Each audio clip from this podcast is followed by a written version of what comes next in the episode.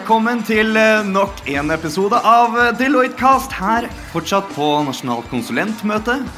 Og eh, nå har vi fått to vakre mennesker inn i båsen her. Eh, Karine og Håvard. Hei, hei. Hei, hei. Hei, hei. Eh, Vi skal snakke litt om dette nye jeg skal kalle det initiativet eller nye satsingen. eh, Deloitte Digital.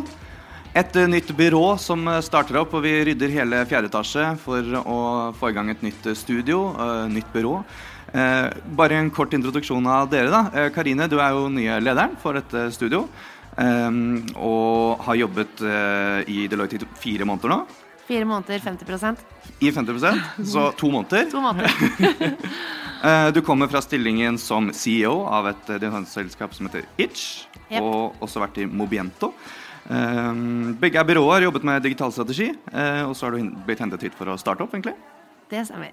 Så det gleder vi oss til å høre litt mer, mer om. Og Håvard, du er jo egentlig, sånn jeg har forstått, en litt sånn historisk person i, i Deloitte-sammenheng. Ja. Det har vært litt sånne oppslag om dette her, første person uten formell høyere utdannelse og sånn. Ja. Jeg, jeg, jeg syns det er veldig kult, for det, det sier litt om retninga at her skal vi ha real knowledge og, og, og egenskaper, og ikke bare papirer. Og det, det sier litt om hvor byrået liksom ønsker å gå hen. da. Eh, så det er veldig kult. Så du har eh, eh, skal vi se, jobbet som webdesigner, frontend-utvikler, systemutvikler, teamleder eh, i, i designbyrået. Ja. Og jobben som, skal jobbe som digital utvikler. ja, det stemmer. Kult. Jeg tenker vi bare begynner rett på. Hvorfor skal vi ha et byrå i et selskap som Deloitte? Eh, nå er det en etterspørsel etter digital som er eh, ekstrem. Eh, og teknologiutviklingen går mye fortere enn det man har trodd. Så prosjektene vi skal levere, det er veldig vanskelig å si hvordan de skal se ut fremover. Eh, men eh, byråtilnærming er én av satsingene til Deloitte. Det er liksom viktig å huske på at vi skal ikke løse alle de digitale utfordringene til Deloitte, men vi har én tilnærming, og vi er, vi er fokusert på produktutviklingen. Så vi skal lage greiene. Det er derfor Håvard eh, er her. Han er jo en som kan lage ting. Kan, kan dere si litt om det? det der lageting, Hva er det egentlig dere skal lage for noe? Hvordan ser disse her på en måte produktene som kommer rullende ut av Digitalstudio ut? Ja. Nå er det sånn at eh, Fram til i dag så har man laget ting for uh, altså, Den mest moderne tilnærmingen er at man har laget ting for skjermer. Ikke sant? Du lager ting for mobil og desktop og tablets. Og så ser vi jo mer og mer at uh, det er ikke nødvendigvis uh, gitt at det er et, et skjermprosjekt lenger. Eh, alt rundt oss skal på en måte ha et eller annet digitalt ved seg. Så når vi lager produkter nå, så kan det godt være at det blir mer fysiske produkter hvor vi lager et digitalt element. Kanskje ikke det er noe skjerm. Kanskje det er en knapp som er, eh, som er tilkoblet Peppers Pizza, som gjør at du bare får pizzaen du vil når du trykker på knappen. Så det handler liksom om brukeren, egentlig, om løsninger, mer, enn nødvendigvis at du må på en app, liksom. Eh, vi, vi er ikke et app-hus. Det er veldig viktig å huske. Ikke kom til oss og bestill en app, vær så snill. Det er ikke det at dere ikke kan lage det. Men Vi lager gjerne en app. Ja, men, eh, Men det er ikke bestillingen. Ikke? Bestilling, Man vet aldri altså Teknologi er et valg som man bestemmer etter at man vet hvilke problemer man skal løse. Mm. Uh, og det er jo derfor det er så fint å ha med Håvard. Fordi problemene er jo ofte komplekse. Eh, Løsningene vi skal levere, er jo ofte nye og har ikke blitt gjort før. Og da må man på en måte stupe inn i noe nytt uten å helt vite hvordan det skal se ut. Eh, og da må man ha med seg produktutviklere som tør eh, å lage noe som ikke nødvendigvis finnes. For det er dette som er litt sånn nytt. da. Eh, som konsulentselskap så er man liksom ute og analyserer. og sånn. Vi er jo vant til å, å ta nye problemstillinger, men så kommer man kanskje med en rapport eller en anbefaling. eller noe sånt. Mens dere skal egentlig lage en eller annen løsning. Eh, og et eller annet produkt, nærmest. Eh, Hva slags type produkter er det man eh, kan forvente å se? da? Det kan være alt mulig. men Ja, eh, Vi får et bilde av dette her. ja. Du kan Skal jeg ta produktene? Altså, I utgangspunktet så er det jo sånn at jeg pleier å, pleier å gi eksempel på VIPS. Fordi VIPS er en veldig fin løsning på et stort problem. Det kommer globale aktører nå og tar hele markedet. Fintech er, eh, er eh, et buzz, men det som skjer er at det kommer nye aktører og tar over for bankene. Og det, hvordan skal bankene svare på det? Jo, da er VIPS ett svar. Eh, Det gjør det enklere. Det er på en måte et produkt som eh, mange kan eh, relatere seg til. Eh, Du kan, eh, du kan eh, overføre penger uavhengig av hvilken bankforbindelse du har. Sånn at du har på en måte fjernet deg fra den eh, tydelige bankforbindelsen som en gang var så viktig. Og så har de åpnet liksom for en ny måte å, å, ja, eh, bruke penger, egentlig. Og det er jo Det er et typisk produkt. Ja, Da ville man i Deloitte gjerne ha levert rapporten, fortalt hvordan man skal gjøre hvordan man skal, eller hva man skal gjøre.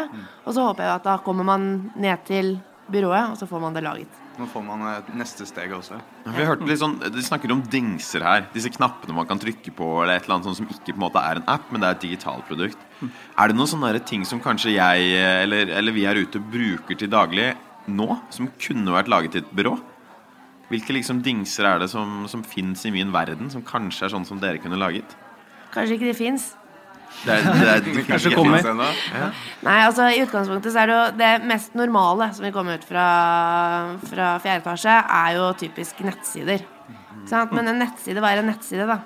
Det har gått fra sånn informasjonsportaler så har man gått over til at man skal faktisk gjøre noe der. Ikke sant? At du ikke nødvendigvis forteller om produktet, men viser produktet og har produktet på siden din. Eh, og så skal dette produktet ikke bare ligge på en nettside, det skal også kunne være i sosiale medier. Vi ser jo shopping f.eks. kommer ikke til å være bare nettbutikken, men du har jo også kjøpsknappen i sosiale medier. Og noen må lage den kjøpsknappen. Der er Håvard. Ja, og så er det jo, selv om mesteparten av produktene kanskje er sånn, så har vi også en lab eh, i studio som eh, vi kan lage fysiske produkter. Da. Så det er jo mulighet for begge deler. Og da er det liksom de mer som jeg kan ta på og leke med og trykke De på den mer knappen som og sånn. Yes. Dere, dere snakket litt også om det inne på scenen, dette her med sånn tjenestedesign eller servicedesign og sånn, som, mm. som virker som Det er ganske kult. Det er mange som gjør det i designbyråer. Um, offentlig sektor i Norge har, har tent veldig på det her og etterspør det veldig mye. Men hva er egentlig denne tjenestedesign-tankegangen, og hva er det som gjør at den skiller seg fra kanskje det man kaller en, en vanlig måte å jobbe på? da? Altså, En tjenestedesignprosess er eh, Det er litt sånn viktig å huske at eh, tjenestedesignprosess det er gjort ordentlig hvis det er en designer med i prosjektet. Eh, Det har gått litt inflasjon i hele dette begrepet, og det skal vi prøve å unngå her i Deloitte. Eh, Så designkompetansen er en viktig del av det. Det en designer gjør, er å se fra brukerens ståsted. En prosess som en konsulent gjerne ser fra et eh, forretningsperspektiv. Mm. Så når man setter de to sammen og kartlegger en problemstilling, så får man plutselig et helt annet, eh, et helt annet kart. Eh, og et helt annet, eh, et helt annet leveranse, egentlig. Eh, så du får en helhetlig vurdering av en problemstilling.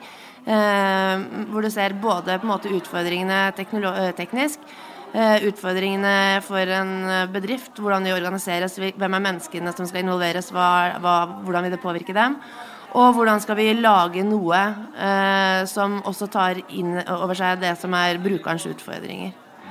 Så det er på en måte Det er en kartlegging eh, av, av et problem. Eh, eller mulighet, alt det ettersom. Eh, som, som egentlig eh, Som man har gjort eh, tidligere også, men nå da med litt annen tilnærming. Bruker, Jeg skjønner. Ja. For, men Håvard, du beskriver deg selv som designer, gjør du ikke det? Nei, Og det vil jeg ikke si.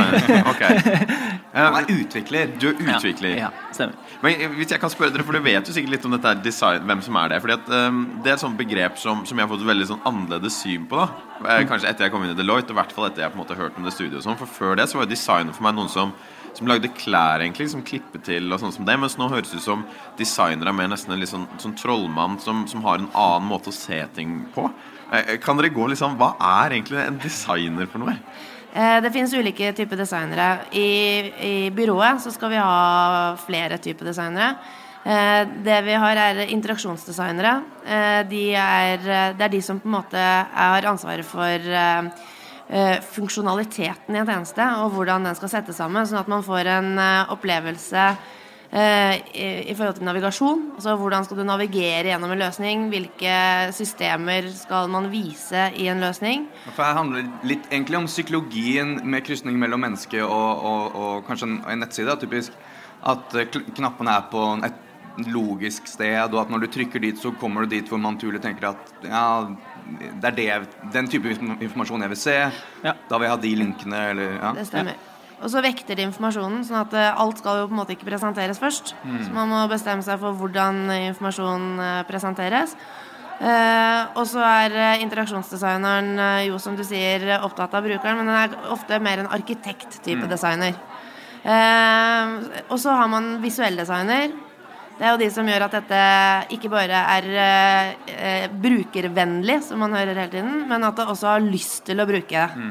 Så det er jo noen som skal putte på et design her liksom. som gjør at du har lyst til å bruke tjenesten. Og det er kanskje det som skiller de gode tjenestene fra eh, de brukbare. Det er jo nettopp at man klarer å lage dette til produkt som du ikke tenker Åh, men at du heller eh, får, du får lyst til å bruke. Ja. Ja. Så du er liksom Du både du tar brukerperspektivet, du skjønner litt sånn Du er litt psykolog og skjønner hva folk tenker og hva de har lyst på og sånn, og så lager du et eller annet som er veldig pent, som du har lyst til å trykke på, da. Det er der Ja. Og så er man, altså, gjetter man ikke. Man går og spør brukeren. Det- For det er jo et viktig poeng her. Og også det at det er jo En designer er ikke eneansvarlig nødvendigvis. Det er jo på en måte hele eh, teamet da, som har liksom felles ansvar. Det er ikke så krystallklare skiller mellom en designer og en utvikler som det var, kanskje var før. Eh, så man er på en måte Man har overordna ansvar, da. Så vi kaller oss jo egentlig produktutviklere. Ikke sant? Og det er jo det Så i, for å lage et produkt så trenger du ulike typer kompetanser. Da er det designere og utviklere som skal sitte og lage. Lage noe sammen. Og det som er kult, er å koble dette på resten av Deloitte-systemet. Hvor da kan vi virkelig ta verdien videre og så si ok, her har du en app i Kanskje en intern app for et eller annet Ok, ikke en app, beklager. Eh, Men en, nettside eller en knapp for HR å gjøre noe enklere automatisert og sånt. Men det har en effekt. Kanskje man da ikke trenger en hel avdeling, eller kanskje man trenger en helt ny type avdeling. Ikke sant? Og der kommer resten av Deloitte inn og kan si hei, her har vi noe Ja. kompetanse. Og det tenker jeg er litt av vorsen, eh, kontra liksom byråer som vi har jobba tidligere, da, hvor man ikke hadde den resten av den slagkrafta med seg på laget. For da ga dere på en måte prototypen her, kunde her er prototypen deres, og så var de litt på egen hånd? Eh, ja, man var i hvert fall veldig mye mer avhengig av liksom samarbeidspartnere og andre som kunne gjøre hele den delen, mens i Deloitte så har man jo på en måte hele spekteret. Hele tjenestespekteret kan gjøre mye, mye mer. Jeg er litt sånn nysgjerrig, hører sånn litt inn personlig historie også, Håvard. Liksom, hvordan er det å komme inn fra altså, hele den, den lille introduksjonen vi hadde, da? Og så kommer vi inn her du, Dere kommer inn her, og så kommer litt inn med hettegenserkulturen. Inn Ja. i en litt sånn stivpyntet uh, dress, i hvert fall eh, delvis. Ja. Jeg måtte kjøpe meg nye klær før jeg begynte her. Ja. Du måtte jeg, måtte, jeg turte ikke å møte opp i mine vanlige klær. Jeg var redd, livredd. Men eh, har, har det endret seg nå etter hvert, eller? Uh, ja, jeg vil egentlig si det. Det er jo mye mer laid back enn man kanskje skulle tro. Ja. Eh, det ser litt sånn stivt og formelt ut, men det er jo egentlig ikke det i det hele tatt. Mm. Så ja, det er, jeg hadde fordommer, rett og slett, Ja. som ble knust. Ja, ja, det er herlig. Så tror jeg dere, har- dere har smittet oss litt også. Og det er jo egentlig vi ganske takknemlige for, syns jeg. Ja. Dere har eh, gjort det enda mer laidback å være kontoret, jeg, og komme inn og kjøre stilen deres. Så et års tid nå så er det joggebukse og caps. Og, det, går alle rundt i sokkelesten Ja, og bare Jeg gleder meg. Jeg Ja, det blir helt nydelig. Men, men hvordan endte du opp i Deloitte? da? Eh, jeg har jobba sammen med Karine tidligere på et, noen prosjekter. Eh, så når Karine begynte her, så, så dro hun meg med, rett og slett. Og det er egentlig litt gøyalt, fordi eh, jeg visste at Håvard var en flink fyr. Og så er det om å gjøre å overbevise et konsulentselskap da, om at en papirløs er en flink fyr. Og da fikk han arbeidsprøve hos Mobiento for å vise egentlig hva, han kan. Og Mobiento har eh, aldri sett en så bra arbeidsprøve tidligere. Wow. Så, så det det, er ikke en hvem som helst som står her og er laid back. Ikke sant? Han er laidback med, med confidence, kan du gjøre det med. Men for å gå litt inn på den, eh, Dere snakket om det her eh, dresskulturen møte hettegenserkulturen. Er det, er det noe mer enn på en måte det vi ser bare på klesstilen? Er det på en måte et litt sånn kulturkrasj som må håndteres her? Eller hvordan på en måte har dere opplevd eh, det på andre fronter? Eh, ja, det var et godt spørsmål. Altså, det er ganske stor for... Den største forskjellen syns jeg er for å gå fra et lite byrå eh, til et veldig stort selskap. Eh, om det hadde vært Deloitte eller noe annet. Det er liksom en, det er en stor overgang da, å plutselig bli en av veldig mange.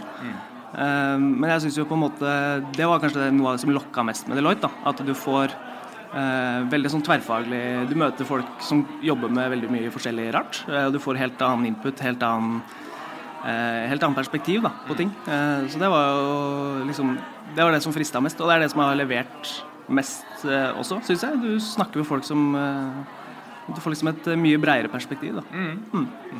Og Er det lett å komme i kontakt med folk? Og, liksom? Er det, kommer folk bort og spør Hei, hva driver du egentlig med? Og Hvorfor går du så rart kledd? Og, Ja, sånn, veldig mye. Mest det, egentlig. Ja. Jeg tror du har gått deg bort, pleier folk å si. Altså, Det jeg møter, er i hvert fall bare engasjement. Eh, det er jo eh, veldig mange som lurer på hva digitalt er, og hva det kommer til å bety for dem. Eh, så kulturkrasj vil jeg ikke kalle det, men det er nok, det er nok kulturer som skal klare også å samarbeide. Og den, finne den samarbeidsformen, det tror jeg på en måte er nøkkelen vår til å bli den beste digitalleverandøren uh, i Oslo, da. Eller Norge. Nå har vi ikke de løsningene for samarbeid sånn helt konkret sånn når et prosjekt eh, dukker opp, så skal vi dit og dit og sånn. Men, men hvordan ser du for deg at eh, det kan fungere? Sånn på et høyt eh, nivå? Ja, det som er viktig, er at vi må ikke glemme kunden. Det er liksom kunden vår som er uh, det viktige her. Og når man får en digital problemstilling, så er det jo ikke sånn at kunden plutselig skal bytte helt fokus. Uh, så jeg ønsker jo på en måte at man får en sånn kontinuerlig prosess der hvor man har med seg kunden til oss. I hvert fall de som er eksisterende kunder. Eh, og så skal man jo ikke ut av prosjektet, men heller være en del av vår prosjektgruppe eh, når man kommer ned i studio. Det er litt eh, vesentlig. sånn at det, vi skal ikke sitte der nede som en sånn isolert enhet. Det er jo det er et samarbeid eh, dette går ut på, da. Så når, det får vi finne ut av, og hvordan får vi finne ut av, men vi har det i hvert fall på agendaen. Så det er, liksom, det er jo et tett samarbeid som er nøkkelen. Det er liksom ikke OK, vi har en eller annen mulighet, vi sender det ned til byrået, og så ser vi hva som dukker opp i andre siden av eh, tunnelen. Vi går jo rundt og Unnskyld, men vi går, på- kjør på, vi, går, vi går jo rundt og forteller kundene våre at eh, de ikke må etablere digitale siloer. Altså, det, er litt, det er litt viktig at vi husker på det selv også. ikke gjør det vi heller. Ja, for da kunne vi på en måte Da kunne Deloitte like gjerne bare leid et byrå uten, utenfor huset da, og til å gjøre den samme jobben. Da mister man hele Da blir vi egentlig tilbake til sånn du Ikke sant? Da mister man hele slagkraften. Men sånn, eh, Hvis vi tenker at det skjer et eller annet digitalprosjekt eller byråprosjekt eh, som det håper vi håper at det skjer mange av, hva slags arbeid ser dere for at det på en måte kommer til å generere for resten av Deloitte? Hva er det når denne knappen på en måte skal inn og brukes av noen? Hva, hva er det resten av systemet eh, skal på en måte være med å dra i da? Det er det som er så fint med en prototype. Fordi eh, når man har en prototype, så er det mye lettere eh, for en kunde å forelske seg i. Sant? Det er noe visuelt, noe de kan ta på. Så kanskje det egentlig innebærer eh, Altså kanskje den prosessen egentlig er noe visuelt for en prosess som de må gjennom. Eh, når vi lager en prototype, så vil det alltid være knapper. Og så kan du trykke på en knapp, men det skjer ingenting. Og da er det veldig tydelig at for at det skal skje, så må, det, så må noen gjøre en jobb. Eh, og der kommer resten av eh, Deloitte inn, fordi at den personen kanskje ikke finnes i bedriften, eller de ikke har en satsing, eller eh, de er ikke strukturert på en måte som gjør at det lar seg gjøre. Kanskje den tekniske plattformen de har, ikke støtter opp om det vi ønsker å få til i, i løsningen. Da må vi ha på plass et teknisk team. Så her, Med en gang man får noe som er håndfast, så er det mye lettere å, liksom, å se hvordan dette skal, hva slags konsekvenser det får. Er det, jeg har sett eh, noen sånne videoer og bilder av hvordan dette kan se ut som jeg tror det er det du snakker om. Eh, hvor man, hvor man prøver å, Bare et eksempel på en sånn type prototyp. Så skal man lage dashbordet på en bil. da, for eksempel. Hvordan skal et dashbord se ut? Og det er så mye dårlige uh, biler der ute på den fronten. Please, fiks det. Uh, men eh, da, da ser jeg at de sitter med sånn Da lager liksom dashbordet på en sånn papp, eh, liksom papplate. Og så setter en person i en stol, og så sier de her, nå skal du skru på musikken. Hvor tror du det er naturlig å trykke? Og så ser man å nei, de trodde at det var på knappen. Da, ok, da prøver vi det interfacet, og så kan du da bytte ut papplata med et annet design. Er det litt sånn dere ser for dere å jobbe også, eller? Det kan man gjøre. Man kan gjøre det i papp, og man kan gjøre det digitalt. Ja. Så det er, veldig, det er også det som er på en måte kanskje den største, raskeste utviklingen de siste årene, er jo at det tok lang tid å lage en teknisk eh, løsning tidligere. Det å lage prototyper var på en måte en lang prosess. Nå er det raskere, sånn at man kan få opp måte, forslag mye tidligere. Da kan man kanskje lage tre forskjellige forslag og teste det på brukere før man går videre og gjør de store implementeringene. Mm, uten at det har kosta altfor mye penger å komme, komme dit. Ja, for det er, det, er det, det er dette som er litt nøkkelen til den her eh, fail eh, fast early-greiene. at det er, så, det er så vanskelig å få tak på det. ikke sant? Ok, men skal man feile og skal prøve å teste, men det er dette dere mener med å prøve å teste, ikke sant? Rett og slett. Få det ut, uh, brukerteste på faktiske brukere så fort som mulig. eh, uten at du har brukt altfor mye tid og ressurser på å komme til det resultatet. Da ser du enten så har du bomma grovt, eller så er du kanskje inne på noe og kan jobbe videre, videre med det. Og så er det en førstetest. ikke sant? Det er en brukertest før du går i markedet, men man ser også at man skal ut i markedet og teste fort. Før brukte man veldig lang tid før man på en måte fikk et produkt ut. Nå ser man at eh, for å henge med en konkurranse som endrer seg altfor fort, så er det nesten bedre å bare komme ut med noe. Hvorfor ble det Vips, og hvorfor ble det ikke Mcash den gangen? Jo, Vips sin løsning var langt fra ferdig da de lanserte den første gang. Eh, men de var først på markedet, og så boosta de det med et enormt markedsbudsjett. Og så fikk de posisjonen. Og så har de bygget produktet egentlig samtidig som eh, brukerne har kommet. Og det, det er liksom nøkkelen for å ta de posisjonene i dag, da. Men det må jo kreve veldig mye av ikke bare oss og kulturen internt, men også kunden. At, for det, det utfordrer på en helt annen måte. Vi, vi skal jo levere ferdig gode prosjekter med høy kvalitet. Det er liksom det man tenker.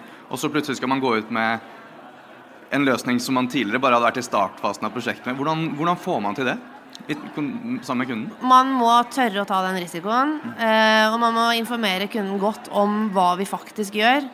Det er liksom som det ble sagt her i dag, at det er en risiko, så må man på en måte beskrive risikoen. Og så må man gjøre en konsekvensanalyse. Er det bedre å gå ut med risikoen, eller er det bedre å vente? Det er jo avveiningen hele tiden. Er det godt nok eller ikke godt nok? Og så må kunden si at det er godt nok, det er ikke vi som skal gjøre det. Mm. men det er klart at dette er jo ikke Det er ikke alltid at en lansering er høydepunktet i et prosjekt. Og med det, det syns jeg var en ganske god, god avslutning, for det sier noe om at eh, ok, dette ruller videre. sitat, liksom, å avslutte på. Ja. Ja, vi har avsluttet med et godt eh, sitat. Vi gleder oss veldig til å se alle prototypene og hettegenserne deres videre på kontoret. Og eh, jeg skal definitivt komme ned i fjerde etasje med litt gode, deilige jeans og en chill T-skjorte og slå meg ned og, Jeg gleder meg. og, og leke litt. Hvis jeg får lov. Det er pingpongbord der også. Det er jo bare å, Åh, bare å slå seg løs. Tusen takk for at dere kom til oss i studio. Takk Takk for for oss. invitasjonen.